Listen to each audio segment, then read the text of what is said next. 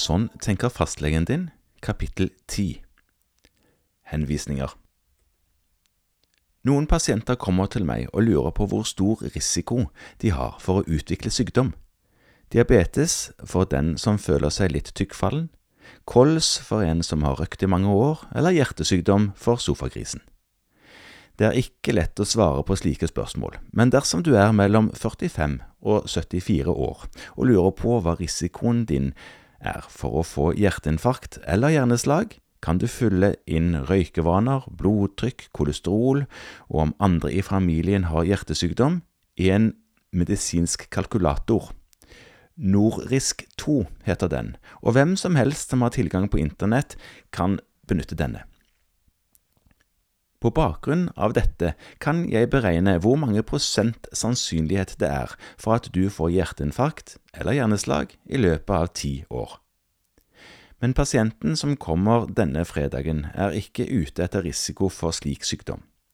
Faktisk lurer ikke pasienten på noe som helst, men det gjør mor. Hun lurer på om datteren, Camilla, er allergisk mot hund. Det er greit å vite før familien går til anskaffelse av et slikt dyr. Camilla reagerer ikke på onkelens store, hårete hund, men det er uansett greit å bekrefte med en blodprøve, tenker mor. Jeg må skuffe Camillas mor. En slik blodprøve finnes egentlig ikke. Allergi er når man får symptomer i møte med et eller annet ufarlig stoff, som pollen, husstøv eller et dyr. Man kaller stoffet et allergen, og typiske symptomer er rennende nese eller øyne, kløe i hud og utslett. Den blodprøven som mor ønsker å få tatt, forteller om kroppens immunsystem kjenner igjen allergenet. Den sier ingenting om symptomene. Så dersom Camillas prøve viser at immunsystemet hennes slår ut på hund, samtidig som hun ikke reagerer på hund med allergiske symptomer, så har hun ikke allergi. Det motsatte er også rett. Dersom du får allergiske symptomer hver gang du er i kontakt med en katt, men blodprøvene ikke slår ut på katt, så er du like fullt allergisk. Det er altså lett å berolige mor med at Camilla nok ikke er særlig allergisk mot hund. En blodprøve vil ikke kaste lys over dette, og Camilla, som hadde gruet seg litt for å ta blodprøve, kan puste lettet ut. Ingen blodprøve ble tatt av Camilla denne fredagen. Selv om jeg ikke kan utrede dette med allergi på en måte som Camillas mor ønsker, så har jeg mange hjelpemidler for å gjøre grundige undersøkelser av mange andre problemer som pasienter kommer med. Elektrokardiogram, EKG, bruker jeg ikke bare når jeg må sjekke om hjertemuskelen får for lite oksygen og står i fare for å dø, men også for å sjekke hjerterytme og hvordan den elektriske strømmen går gjennom hjertet. Dette gjøres ved å feste ti elektroder over brystet og på andre deler av kroppen din. Disse fanger opp endringer i spenning som kommer fra strømmen som går gjennom hjertet. Hvordan en slik registrering ser ut, kan si mye om hjertemuskelen din sin funksjon. Er det for lite oksygen til hjertemuskelen? Er deler av muskelen død? Har pasienten atrieflimmer eller en annen rytmeforstyrrelse? Er det noe som tyder på at hjertet har for tungt arbeide over for lang tid? Dette er ting jeg kan si noe om ved å se på et EKG. Jeg kan også ta en blodprøve som kan vise økte verdier dersom hjertemuskelen er skadet. Spirometri er også en undersøkelse som jeg har mye brukt for. Dette er en test hvor du blåser alt du kan inn i et papprør på størrelse med den sylinderen som er igjen etter at alt dopapiret er brukt opp. Selv om vi puster hele tiden, må de fleste øve på å klare å gjennomføre en god spirometriundersøkelse. Her må du nemlig ta i alt du har, og puste helt ut til du har tømt lungene så mye som mulig. Vanligvis blåser vi ut omtrent 80% av luften vi har i lungene på det første sekundet. Men likevel skal du fortsette å puste ut i alle fall i fem–seks sekunder. Det er ikke helt enkelt. På slutten føler de fleste at de bare står sammenkrøket med leppene rundt en pappsylinder og holder pusten. Men det kommer faktisk fortsatt litt luft ut av lungene dine. Det er særlig når jeg utreder eller følger opp pasienter med astma eller kols at jeg har spirometriundersøkelsen. Noen ganger vil jeg også at du tar en spirometritest før og etter at du får lungemedisin som skal spile ut luftveiene. Dette er en undersøkelse som gir god tilleggsinformasjon, og som kan være med på å si noe om årsaken til pusteproblemene dine. Noen ganger forteller pasienten at det bare er under trening at problemene med pusten melder seg. Da bruker jeg trappene i bygget som treningssal. Legekontoret der jeg jobber ligger i første etasje, men bygget er tre etasjer høyt, med et trapperom. Pasientene møter i lett treningstøy, og så springer hun eller han opp og ned trappene til pusteproblemene melder seg. Så gjør jeg en spirometriundersøkelse, gir medisin og gjentar undersøkelsen. Da kan jeg få enda mer informasjon. Noen kollegaer har tredemølle eller sykkel på laboratoriet sitt. Da kan de bruke denne, men jeg oppnår samme effekt i trapperommet mitt. Noen ganger ber jeg pasienten komme ferdig trent rett til kontoret for å gjøre en spirometriundersøkelse. Uansett gir undersøkelsen en god pekepinn på diagnose og om vi må endre på behandlingen du får. Stadig flere fastleger har ultralydmaskin. Mange av dagens legestudenter lærer å gjøre ultralydundersøkelser på studiet bedre enn hva som var vanlig da jeg gikk på doktorskolen. Ultralyd kan brukes til å sjekke hvor mye urin som er igjen etter at du nettopp har tisset, finne ut hvilken vei fosteret ligger, eller vurdere blødning i starten av graviditeten. Dessuten kan ultralydmaskinen brukes for å sjekke om pasienten har en blodpropp i leggen, og jeg kan se etter nyre eller gallestein og etter blødninger i muskel- og senerifter.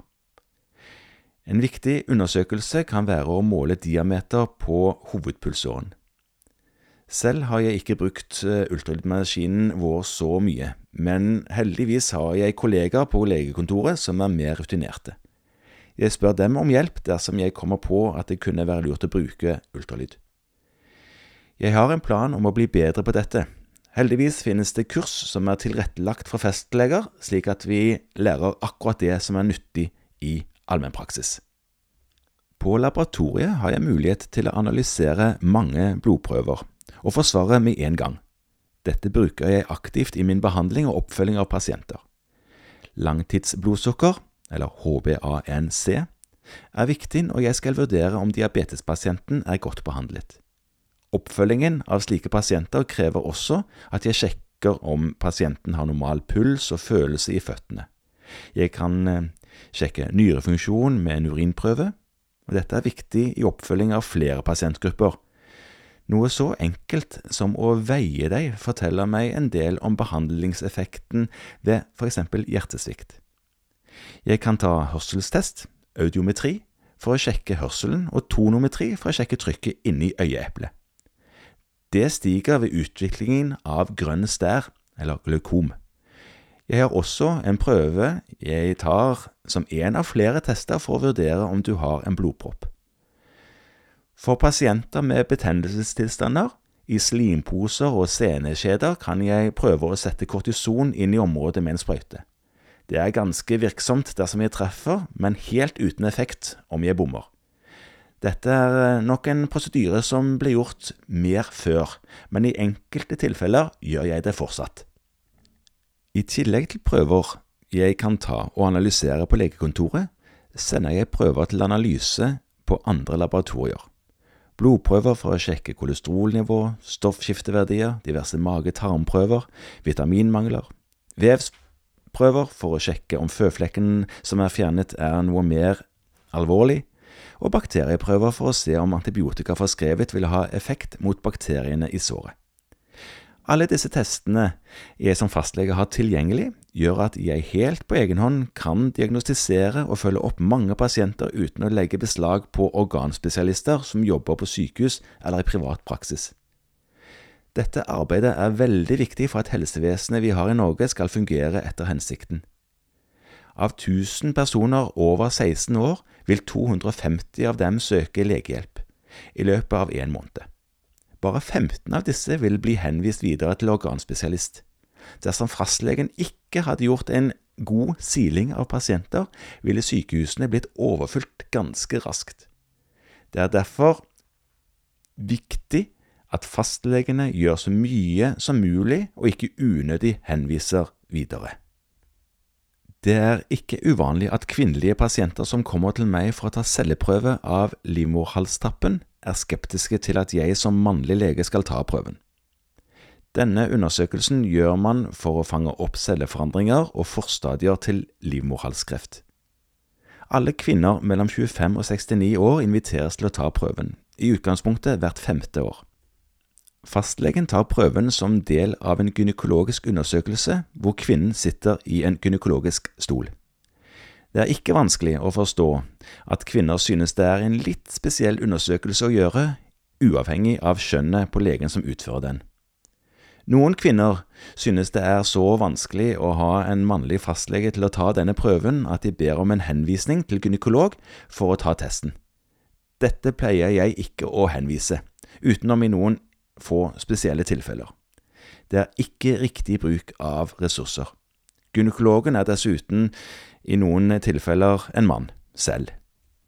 Celleprøver er noe fastlegen enkelt gjør selv, og en unødig henvisning vil legge beslag på gynekologer som burde bruke tiden sin på problemstillinger som fastlegen ikke finner ut av selv. Skulle jeg henvise alle som synes det hadde vært beleilig, ville etter hvert de kvinnene jeg henviste fordi jeg sto fast, måtte vente i kø sammen med alle dem som bare skulle ta en ordinær celleprøve som en del av screeningprogrammet. Det virker ikke fornuftig. I tillegg vil en gynekolog gjøre flere og mer avanserte undersøkelser som noen av kvinnene vil finne betryggende. Det kan høres forlokkende ut, men alt det jeg har drøftet før når det gjelder overdiagnostikk og unødig utredning, gjelder her også.